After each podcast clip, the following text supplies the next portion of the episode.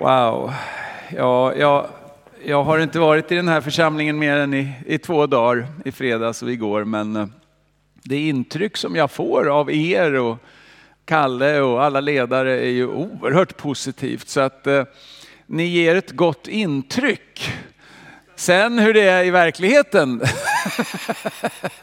det vet Gud och säkert flera av er också. Men, men intrycket är inte dåligt, det ska jag säga. Verkligen roligt att få vara här och man känner en atmosfär av både glädje och allvar eh, och bön.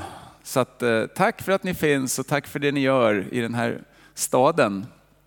Jag hade glädjen att få ha en dag igår då, där, där jag fick gå igenom frågor om Guds existens och ondskans problem och Jesus som historisk person och uppståndelsen och historiska argument för det. Det där ordet som, som Kalle sa, apologetik, kommer från det grekiska ordet apologia.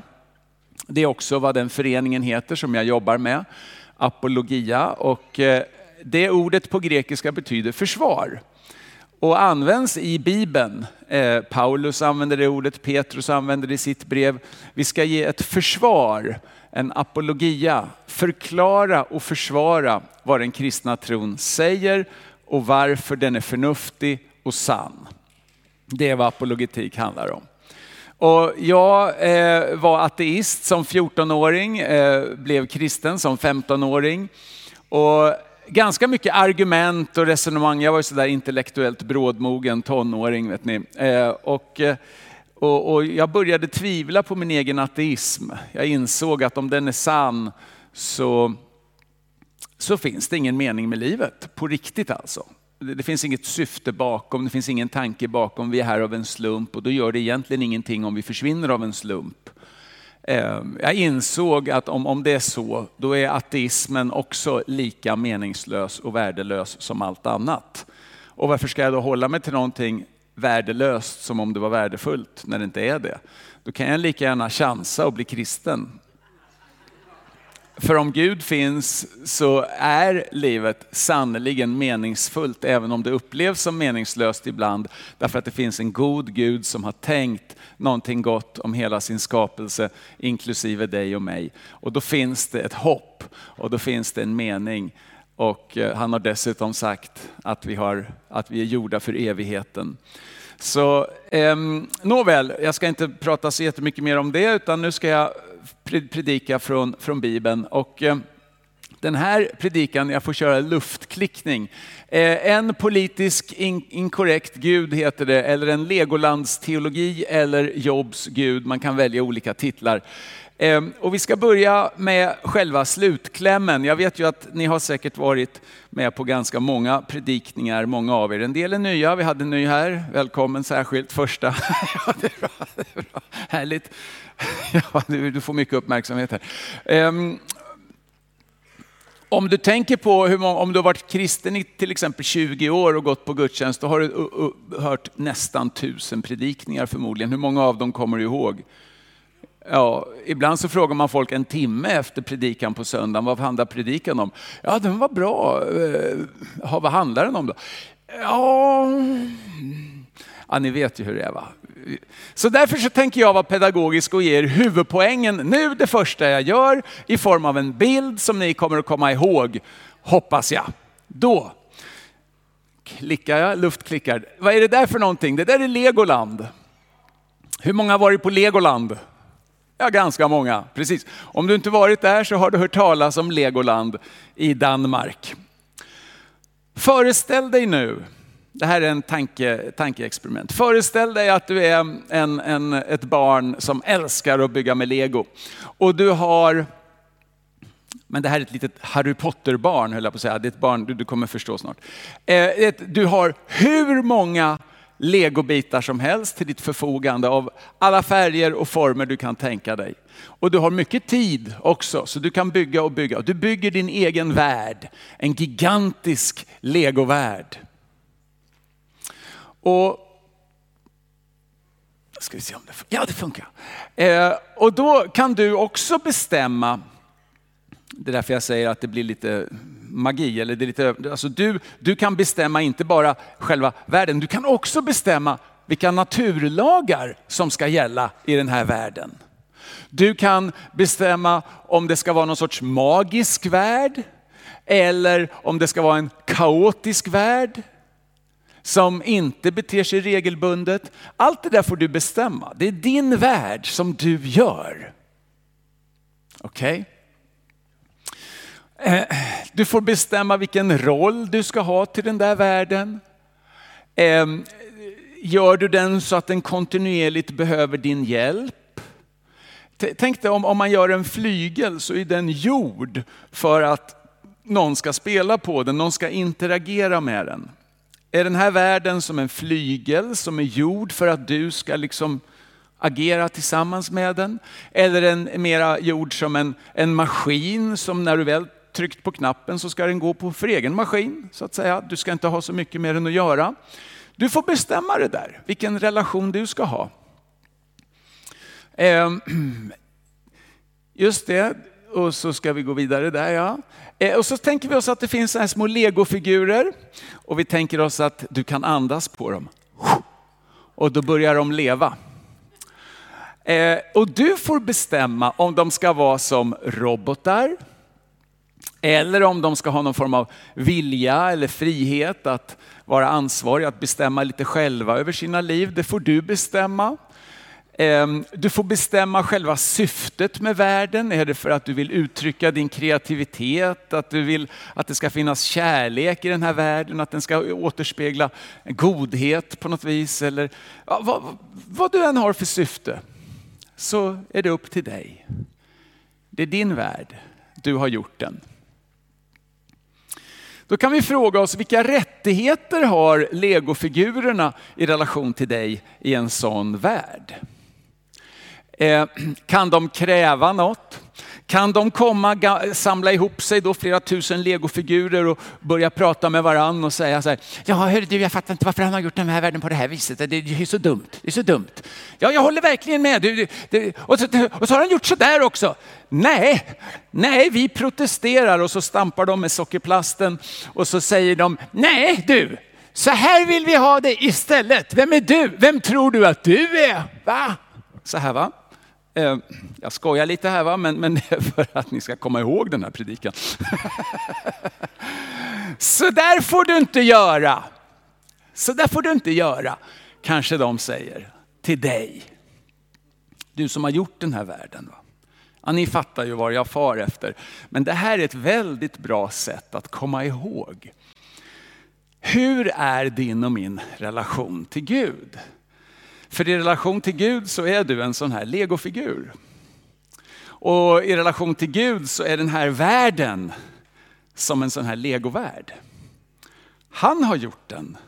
Han har bestämt vad den är till för. Han har satt upp reglerna för den. Villkoren. Allting har han bestämt och det kommer från honom. Och han är ansvarig för det. Och observera, i relation till honom så har legofigurerna, de får klaga. De får säga vad de vill. Men det är lite svårt att se hur de har rätten att anklaga. För hela deras existens bygger på att de är gjorda ur intet, om vi tar Bibeln på allvar, det funkar inte riktigt med legovärlden för där finns det lego, legobitar från början. Va? Det är ännu mer radikalt i Bibelns beskrivning av vår relation till Gud och Guds relation till oss, för han har gjort den här världen till och med ur intet. Ja, vi fortsätter. När du skapat den här världen, vilka rättigheter har du i relation till den här världen? Får du bestämma över den? Ja, det är klart du får, den är ju din. Får du gripa in i den? Kan du gripa in i den? Självklart kan du det. Om man har gjort en bil så är det klart man kan laga den. Har man byggt en värld, det är klart man kan gripa in i den. Har du byggt en swimmingpool, det är klart du kan hoppa ner i den och simma i den. Om Gud har gjort den här världen ur intet så kan han ju pilla med den, göra saker, välja att inte göra eller göra. Det är upp till honom. Det är upp till honom. När ateister säger att nej, mirakler är omöjliga, så brukar jag fråga, okej, okay, är du säker på att Gud inte finns? Kan du bevisa för mig eller ge mig riktigt starka argument och skäl till att vi inte ska tro att Gud finns. Gör det. Och oftast när man pressar en ateist på det sättet så säger den personen, nej, alltså, nej jag kan inte bevisa det, men, men, men jag är, nej, jag är nog mer agnostiker, säger man. Det vill säga, jag vet inte. Och så säger ateisten, men jag lägger bevisbördan på dig. Du måste bevisa att Gud finns. Okej, okay, jag kan försöka göra det, men, men vi väntar med det. Nu börjar vi här bara. Du är alltså inte säker på att Gud inte finns. Kanske Gud finns, kan vi vara överens om det? Ja, okej, okay, rent teoretiskt. Okej, okay. om Gud kanske finns, så kan det vara möjligt att den guden kan gripa in i det som Gud själv har skapat. Är du med på det? Ja, hur kan du då vara så säker på att mirakler inte kan ske?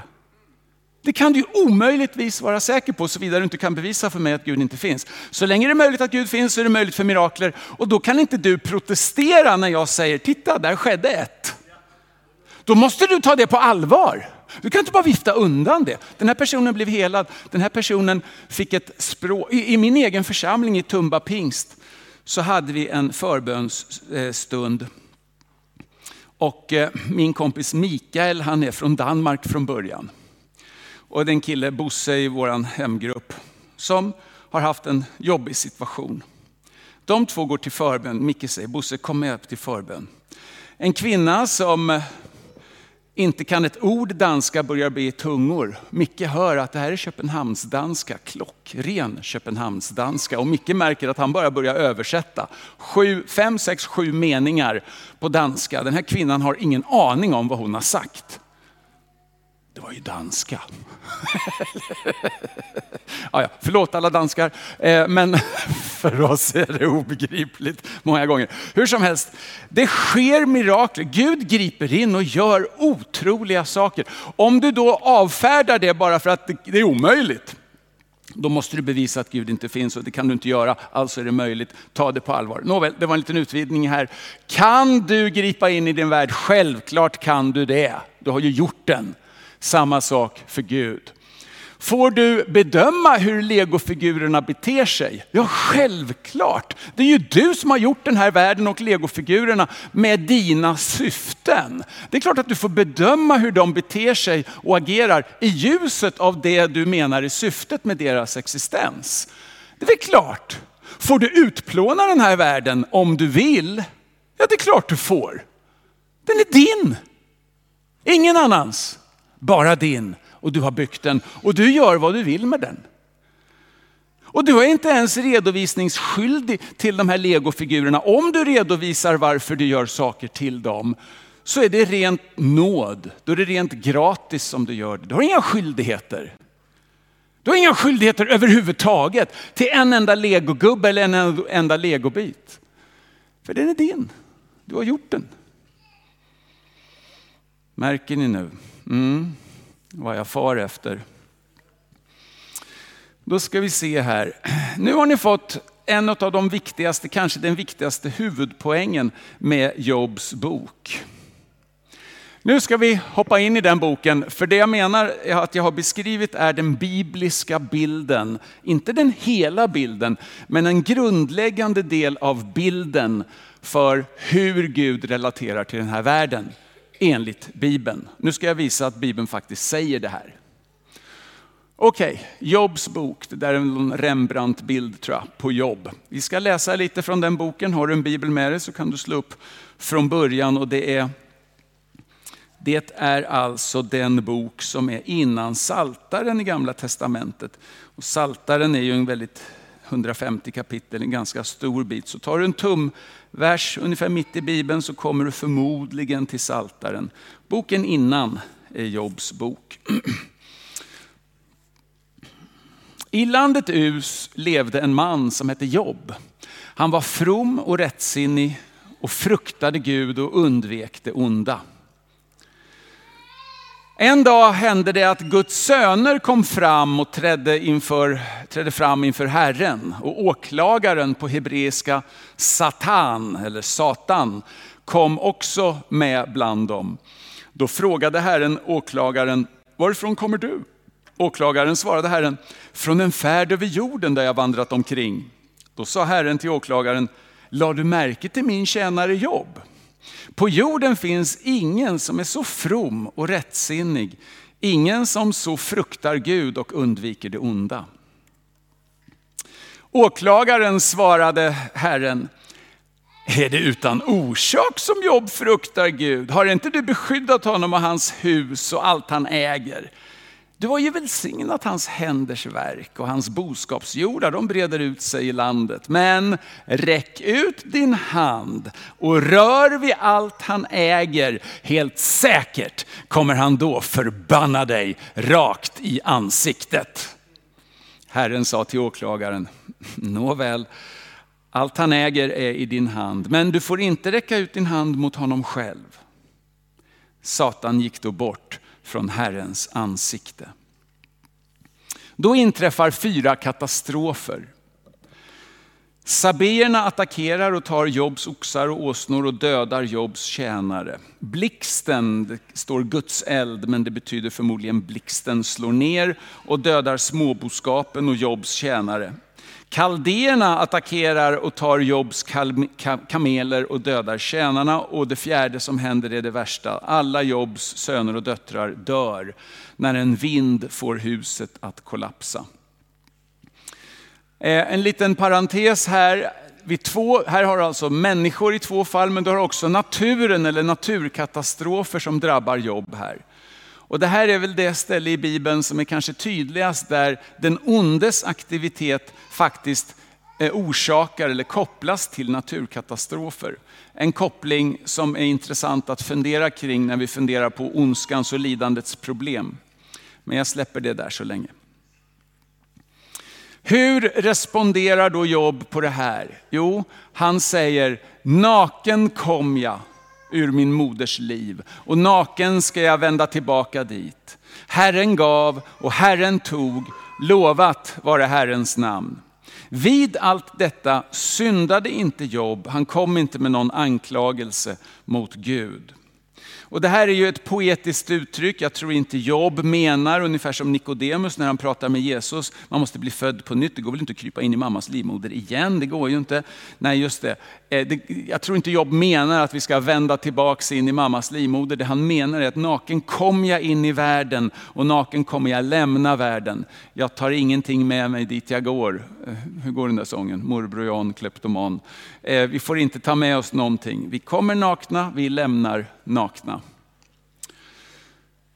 Och sen säger han, Herren gav och Herren tog, lovat vare Herrens namn. Och det där låter som en from floskel, va? men jag tror inte det är det. Jag tror han menar bokstavligen det han säger. Lovat vare Herrens namn. Och vid allt detta syndade han inte. Han kom inte med någon anklagelse mot Gud. Sen kommer nästa våg av plåga över Jobb, för Satan nöjer sig inte. Herren sa till åklagaren, la du märke till min tjänare Jobb? På jorden finns ingen som är så from och rättsinnig, ingen som fruktar Gud och undviker det onda. Och här då, han står fortfarande fast i sin fromhet, fastän du uppeggat mig mot honom för att förgöra honom utan skäl. Så här säger Gud att Jobb är så att säga oskyldig, han förtjänar inte den här. Det här är en prövning som du, den onde, har initierat och som den onde faktiskt utför också. Det är djävulen som utför det och som initierar det. Ja, Gud tillåter det. Man kan fråga sig varför. Jobs bok svarar inte på frågan om lidandets och ondskans problem. Man skulle gärna vilja det, men letar man efter svar på det så letar man förgäves. Jobs bok svarar på frågan, hur bör du agera, hur bör du tänka? Hur bör du tänka? Vad är vishet när du lider oskyldigt? Verkligen oskyldigt. Vad är vishet då? Det är den fråga jag tror Jobs bok svarar på. Det är klart, i den här situationen så kan vi fråga oss, varför tillåter då Gud Satan eller den onde att, att, så att säga, plåga Jobb på det här sättet? Men tänk efter, om nu Jobb är den frommaste, mest gudfruktiga och rättsinniga mannen på hela jordklotet. Och om han älskar Gud för slem vinnings skull, som det heter på gammal svenska, av själviska och egoistiska skäl. Han är from bara för det han kan få från Gud, annars skulle han inte vara det. Kan Jobb älska Gud på riktigt, utan baktanke, utan egoistiska motiv? Är det ens möjligt? Och om inte ens den frommaste och rättsinnigaste mannen på jordklotet kan göra det, då kan ingen göra det. Och då försvinner Guds tanke med mänskligheten. Det står att Abraham var Guds vän. Jesus säger, vänner kallar jag er. Kan legofigurerna bli skaparens vän? Djävulen säger, det är omöjligt. De är alltid djupast sett själviska. En äkta kärlek till skaparen från en skapad varelse som människan är omöjlig. Det är det djävulen säger och på det sättet så angriper den onde Guds eget motiv och syfte med mänskligheten. Och det är kanske därför han låter den frommaste av dem alla utstå det här provet för att bevisa för djävulen och för hela skapelsen att det går visst att älska Gud på riktigt. För går inte det, då är det kört med hela idén med människor. Från skaparens perspektiv. Det här läs, läser jag nu så att säga mellan raderna. Det, det står inte, men det, det, det, det står nästan. det, ja. Nästa här då, då. åklagaren eh, svarade Herren, hud för hud, ett hebreiskt uttryck som handlar om att om du inte blir slagen själv, om din hud själv inte blir drabbad, ja, allt man äger ger man ju för att rädda sitt liv. Men räck ut din hand och rör vid hans kött och ben. Helt säkert kommer han då förbanna dig rakt i ansiktet, säger då djävulen till Gud igen. Herren sa till åklagaren, nåväl, han är i din hand, men du måste skona hans liv. Och åklagaren, Satan, Satan gick bort från Herrens ansikte och slog Jobb med svåra bölder från fotsulan ända till gässan. Jobb tog sig då en lerskärva att skrapa sig med där han satt mitt i askan. Och även här då så ger Jobb en respons där han inte anklagar Gud. Han säger, om vi tar emot det goda av Gud, ska vi då inte också ta emot det onda? Och under allt detta syndade inte Jobb med sina läppar. Och här tolkar jag det som att Jobb menar, vi får massa gott från Gud, men sen kommer Gud ibland tillåta onda saker att ske. Som ni märker så kommer det inte från Gud, det är djävulen som tar initiativet, det är han som utför det. Men Gud tillåter, ja det gör han. Och han kan ha sina skäl. De är inte alltid tillgängliga, men de verkar finnas där. Okej, okay, det här är själva prologen som det heter. Det är själva vad som händer bakom kulissen, den andliga kulissen. Sen har vi Jobb då, då som lider på det här sättet och då kommer tre vänner.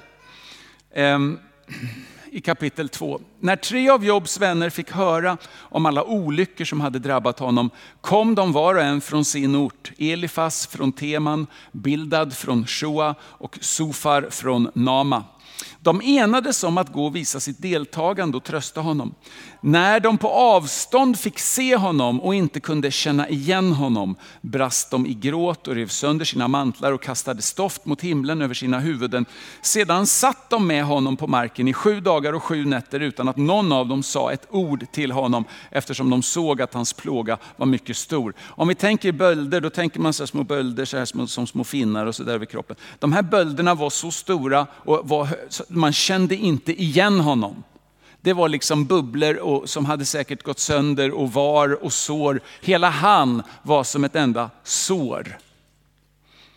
Och de blir väldigt upprörda och de gör ju faktiskt här en själavårdsinsats av rang. Det måste man ge dem. De sitter en hel vecka med honom och sörjer utan att säga ett ord. Men de börjar sedan tala, de dristar sig att tala och vad säger de? Jo, de har en utgångspunkt när de börjar tala, det vi kan kalla för vedergällningsläran. Ingen rök utan eld, det finns inget oskyldigt lidande. Det är så de tänker. Elifas säger, Tänk efter, när gick en oskyldig förlorad och var gick de rättsinniga under? Jag har sett att de som plöjer fördärv och sår olycka, de skördar sånt. Och vi kan ge Elifas rätt att många gånger kan det vara så, kanske till och med oftast. Men att säga att det alltid är så, det kan vi inte säga, men det är så Elifas tänker.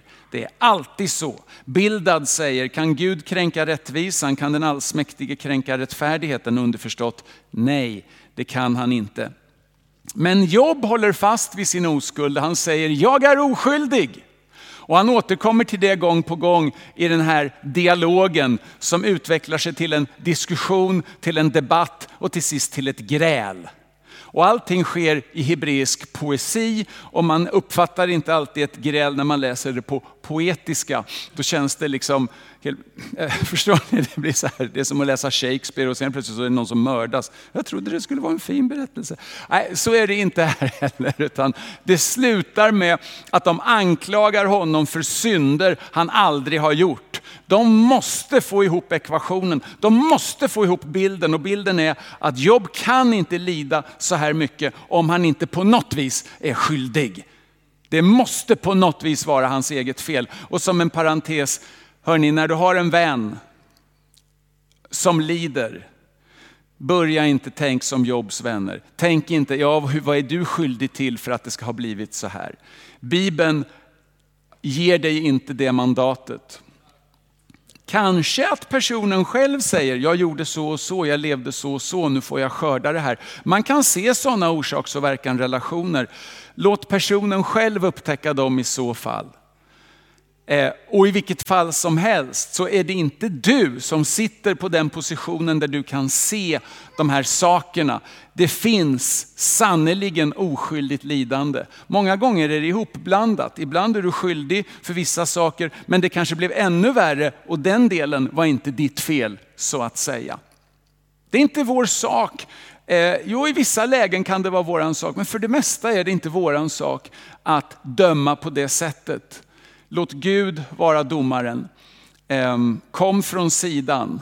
Eh, och framförallt var medveten om att det finns verkligen oskyldigt lidande i den här världen. Om Bibeln har rätt så är det så.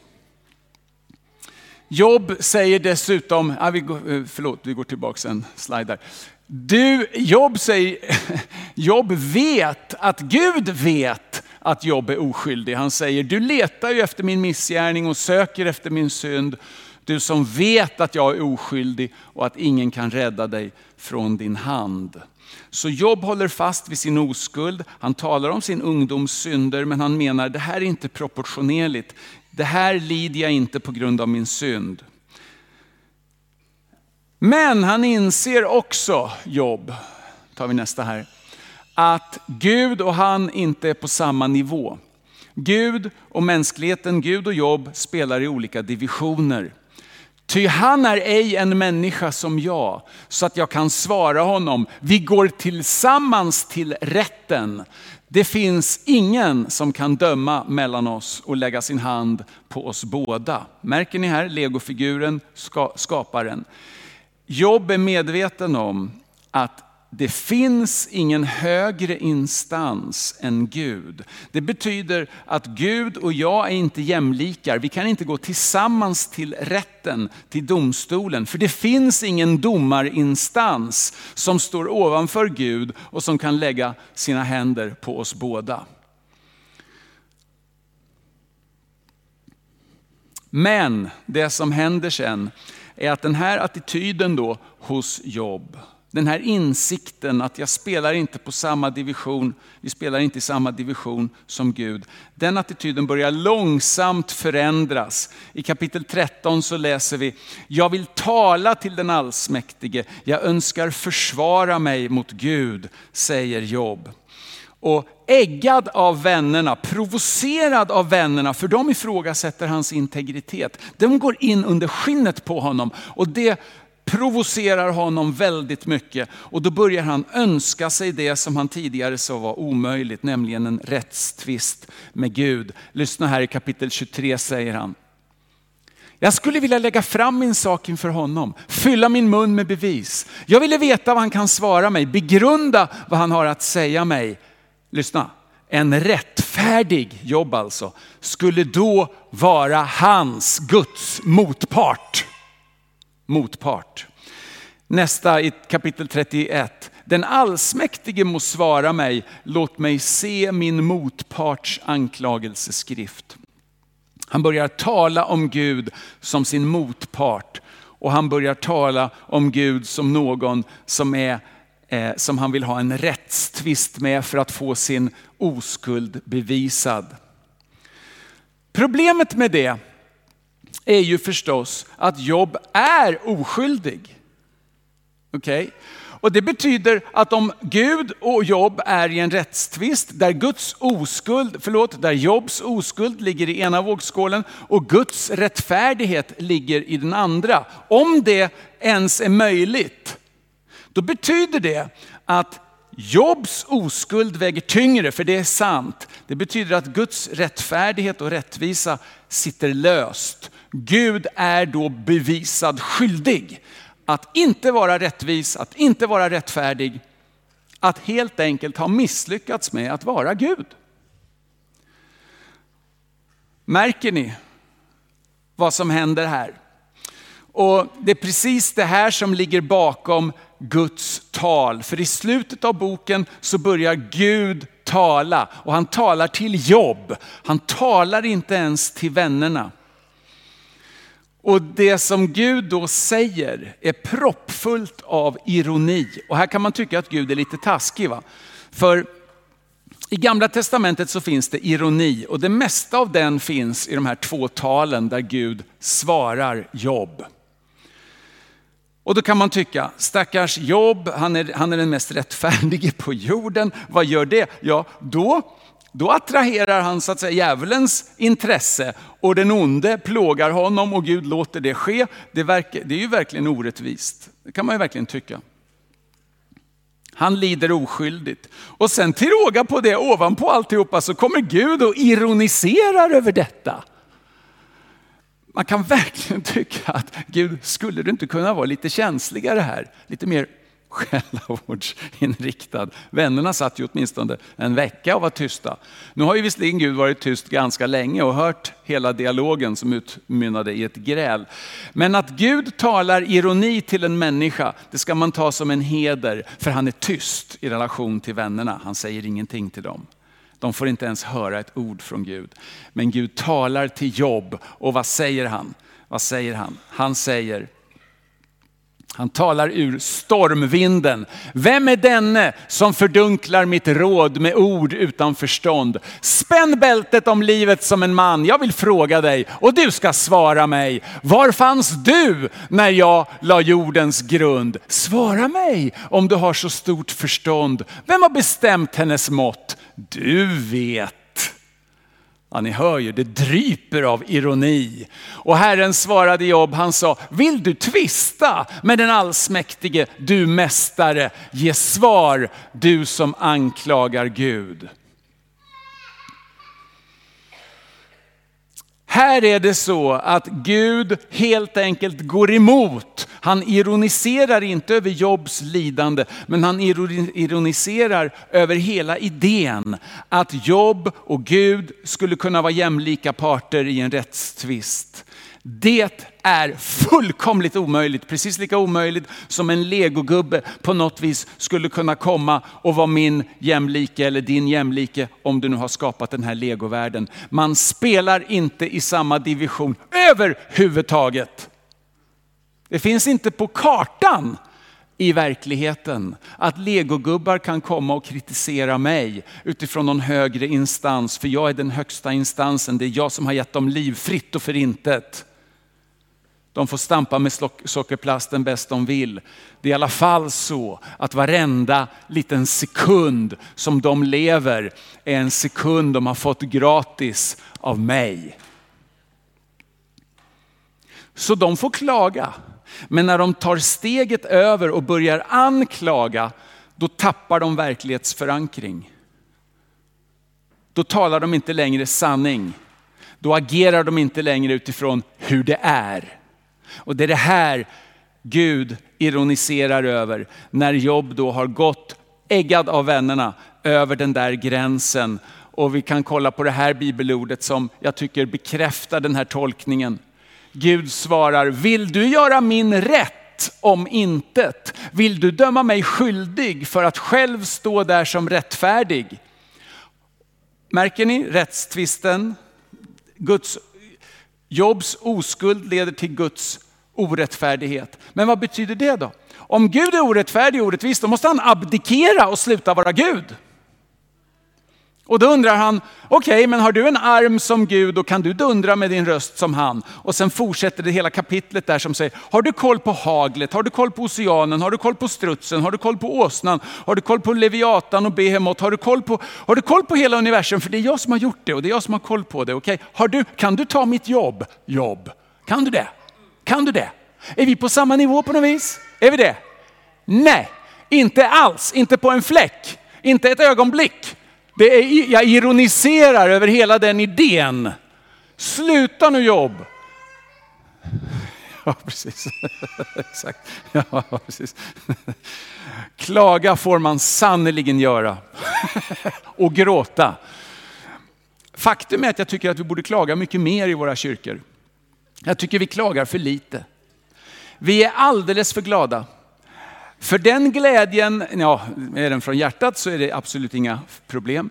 Men ibland är glädjen något som vi har lite grann från utsidan. Titta på saltaren. 60 procent av saltarsalmerna är klagosalmer. Vi har klagovisorna, vi har jobbsbok. Det är väldigt mycket klagan.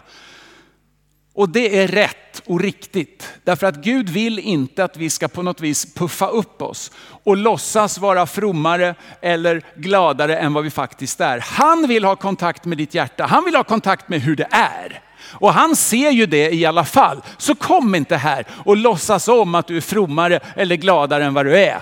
Ja, för dina medmänniskors skull så kan du väl ändå ge ett leende och så. Men du behöver inte låtsas.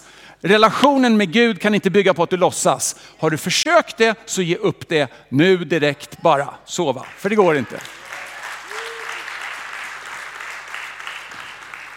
För risken med det är att du putsar på utsidan och det som du inte tar itu med i ditt hjärta riskerar att bli bittert. Och inte lukta gott. Vi är här för att hälla våra själar inför Gud. Precis som salmisten gör. Jag häller min själ, jag ligger på min bädd, jag gråter, jag sörjer, jag har ångest.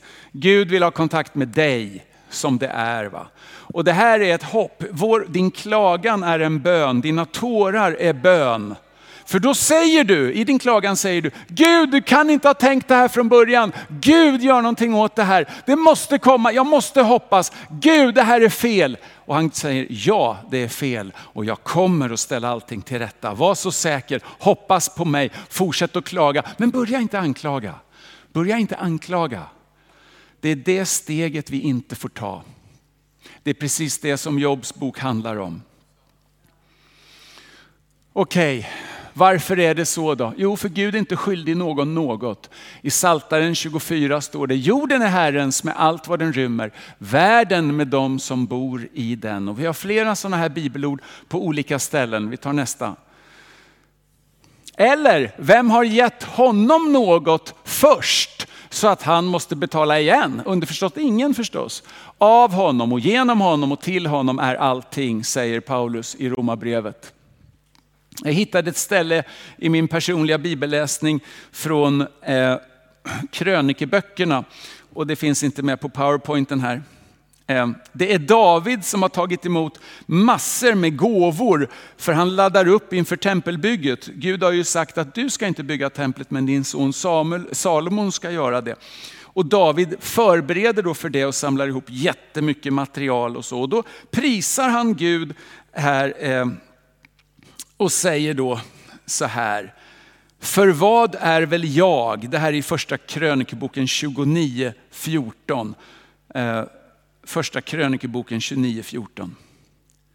För vad är väl jag? Och vad är mitt folk? Att vi själva skulle kunna ge sådana frivilliga gåvor? Nej, Allt kommer från dig. Och ur din hand har vi gett det åt dig. För vi är främlingar hos dig och gäster som alla våra fäder. Som en skugga är våra dagar på jorden och utan hopp.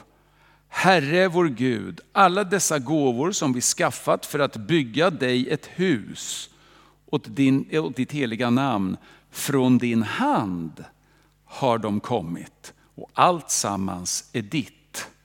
Märker ni, det här finns på flera ställen i Bibeln, det här grundperspektivet. Och det betyder att när du swishar eller ger pengar från din plånbok så är det så att Gud har gjort det här materialet som din plånbok är gjord av. Och alla pengar och allt. Alltså allt är ju hans. Han har gjort det ur intet. Du har fått saker att förvalta, men du äger det inte i den här djupare meningen av ordet äger. För han äger allt. Han äger dig och han äger allt du äger eller förvaltar. Det här är ju det jobbiga perspektivet som gör att en massa andra saker i Bibeln faller på plats. Jobb omvänder sig. Jag har ju ordat om vad jag ej begrep, om sånt som var för underbart för mig som jag ej förstod. Därför tar jag tillbaks allt och ångrar mig i stoft och aska. Det betyder inte att Jobb ångrar sig från någon synd som legitimerade allt hans lidande. Nej, han ångrar sig från den här önskan att få en rättstvist med Gud. Han ångrar sig från den underförstådda anklagan som ligger i det. Det ångrar han sig från, ja sitt krav på en rättstvist med Gud ångrar han. Och Gud säger nämligen till Jobs vänner, ni har inte talat om mig vad som är rätt. Jag hade lite fel där förut, han säger faktiskt någonting till dem.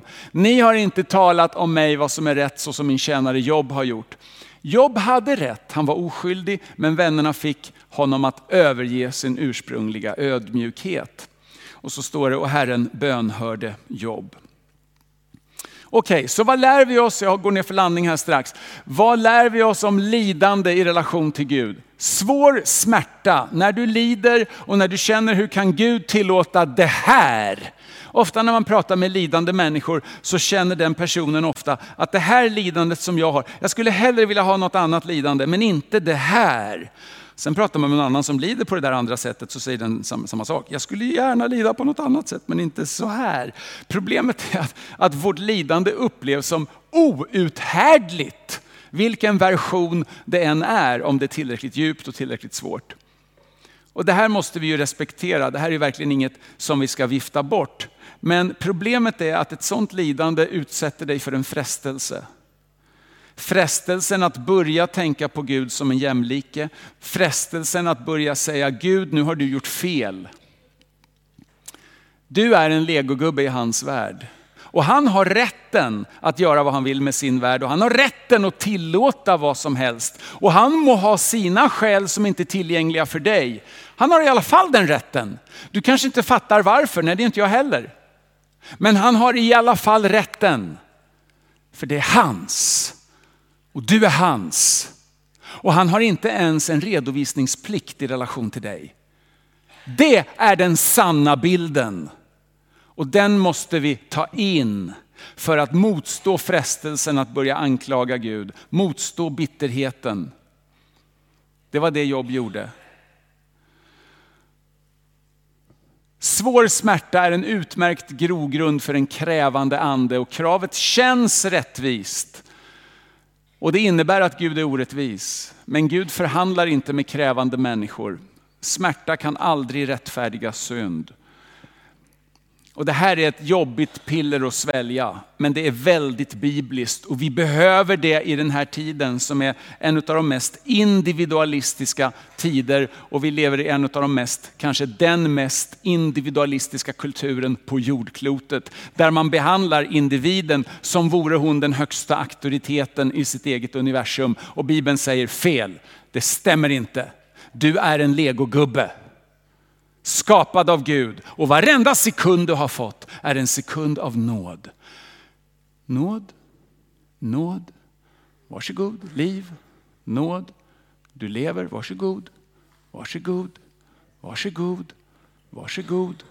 Det är din relation till din skapare i grund och botten. Sen kan du säga, men varför ger han mig då en önskan om ett full, fullt liv, ett, önskan, ett liv utan smärta? Varför ger han mig den önskan om han inte ger mig det? Ja, jag vet inte alla gånger. Ofta vet jag inte, ofta vet du inte. Men det är i alla fall så att allt du har fått är av nåd. Och det du får göra det är att säga som jobb. Jag vet att min förlossare lever och jag sätter mitt hopp till honom. Jag har inget annat val. Okej, okay. Jobbsbokens politiskt inkorrekta gudsbild. Vår tid säger Gud är vår jämlike.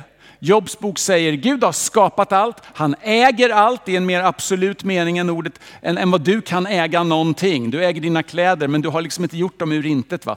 Allt ägande vi människor sysslar med är en sorts ytligt form av ägande om du jämför med Guds ägande av det här universum och av allt levande. Gud äger det i den djupaste och starkaste mening du kan tänka dig. Och det betyder att han har rätten över allt. Han får göra vad han vill i relation till det som är hans. Du är hans, jag är hans.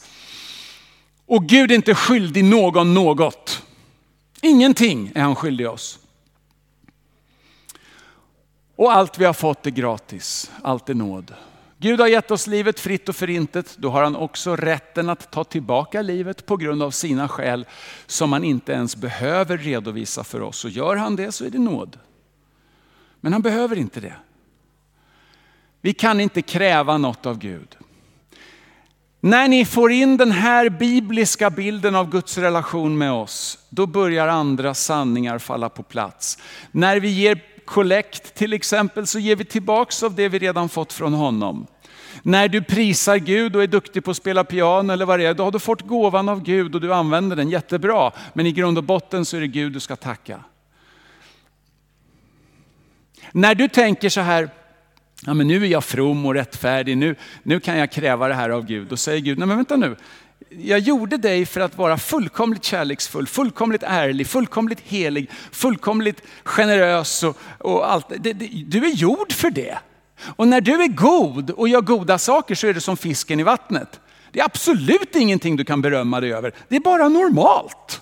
Nu äntligen beter du dig lite normalt. Nu när du är lika god som Jesus, vilket ingen av oss är, men du kanske tror det någon sekund. Eh, om vi låtsas att du var det, ja men vad bra, äntligen en normal människa, säger Gud. Och är jag inte duktig nu? Gud säger, nej, jag är duktig och duktig, ja du gjorde det jag hade tänkt från början, det var väl inget konstigt, inget att berömma sig över.